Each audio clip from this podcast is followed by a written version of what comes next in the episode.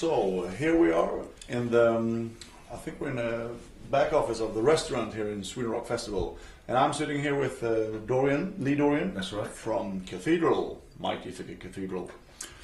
Did you have a great gig today? Yeah, it was good. I mean, it was uh, a little bit wet. I think we brought the bad weather with us because we normally do, British people. But uh, yeah, it was a little bit rainy, but it was cool. Yeah, great gig, good sound on stage and everything, and Yeah. the people, the audience seemed to dig it. So Yeah.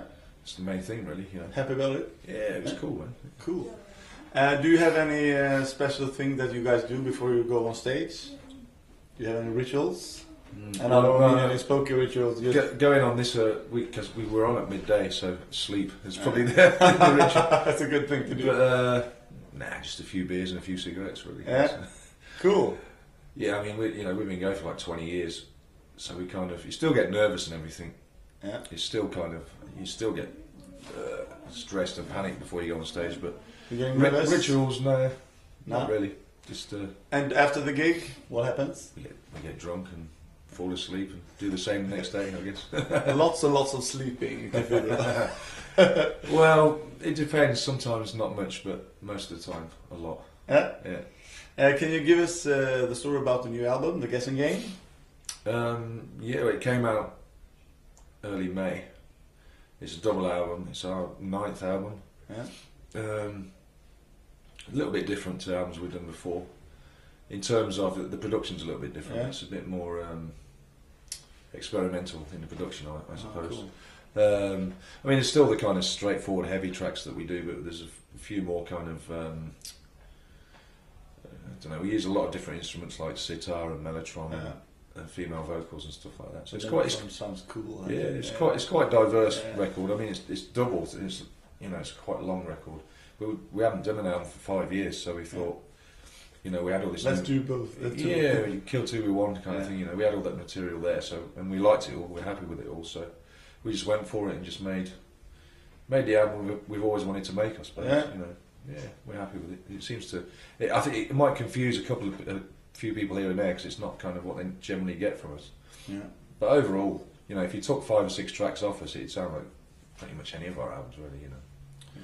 But uh, yeah, it's cool. We're, we're happy with it. And while you're recording, are you doing? Uh, because we have been interviewing some bands, and they're telling to us that they are doing more and more live stuff as in the old days, or, or how does the recording process? recording live. Yeah. Mm. I mean, you know, it would be nice if we went into a completely analog studio Yeah. and had loads of time and loads of loads of uh, like a big budget to record properly. In that, you know, in a live sense. I mean, I think it's if you're going to record live, it's much better to record analog and go the whole way. Yeah. You know, and use tape and stuff. Yeah. But I mean, we had this, with this record. There's so much going on Yeah. that um, we couldn't do it all live. I mean, the drums are live with like guy guitar and guy bass, but we generally just like layer in our stuff on and just you know. I mean, we're not one of those kind of uh, purist kind of bands in that Doing it for real. Yeah, I mean, I, in an ideal world, I'd like to record live and record onto tape, but you know. Ah, cool. And are you doing any tours right now, or just festivals? No, we, we toured the UK with um, a band from Japan called Church of Misery, and a band from the States called The Gates of Slumber. That was like a, a two-week tour in, in the UK, well, less than two weeks. Um, now we're, we're doing festivals. We've got quite a few. Yeah. We're going to Japan in September, and then we prob- then we're doing a European tour in October, October, November. Think. Any favorite festivals? Favorite festivals. You have Um, been here before. Yeah, this was this is a good one. Um, I like the Hellfest in France. That was really good last year, just because it was such a good lineup. I mean, the English festivals, the lineups are really quite boring. Is that Joe? We're having some friends. That's cool. Where'd you come from? Yeah.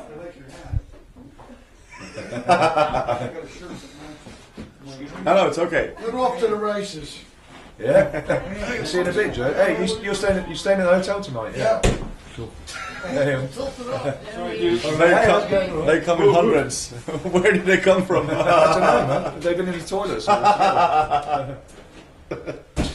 okay, so uh, you're doing festivals and all that stuff. And then we have some questions. Do you have any um, crazy uh, fan stories? What's the craziest things a fan ever done to you guys? Someone's. I mean, I'm vegetarian, but someone sent me a, a, a dead cat in a in a box before. What? Yeah, that's one thing. It's like all the bones and stuff. Not the nice thing to do, is it? No, it was some kind of satanic person. I don't know what it was. It was kind of Ah, That's weird. Okay. Uh, that's probably the worst thing.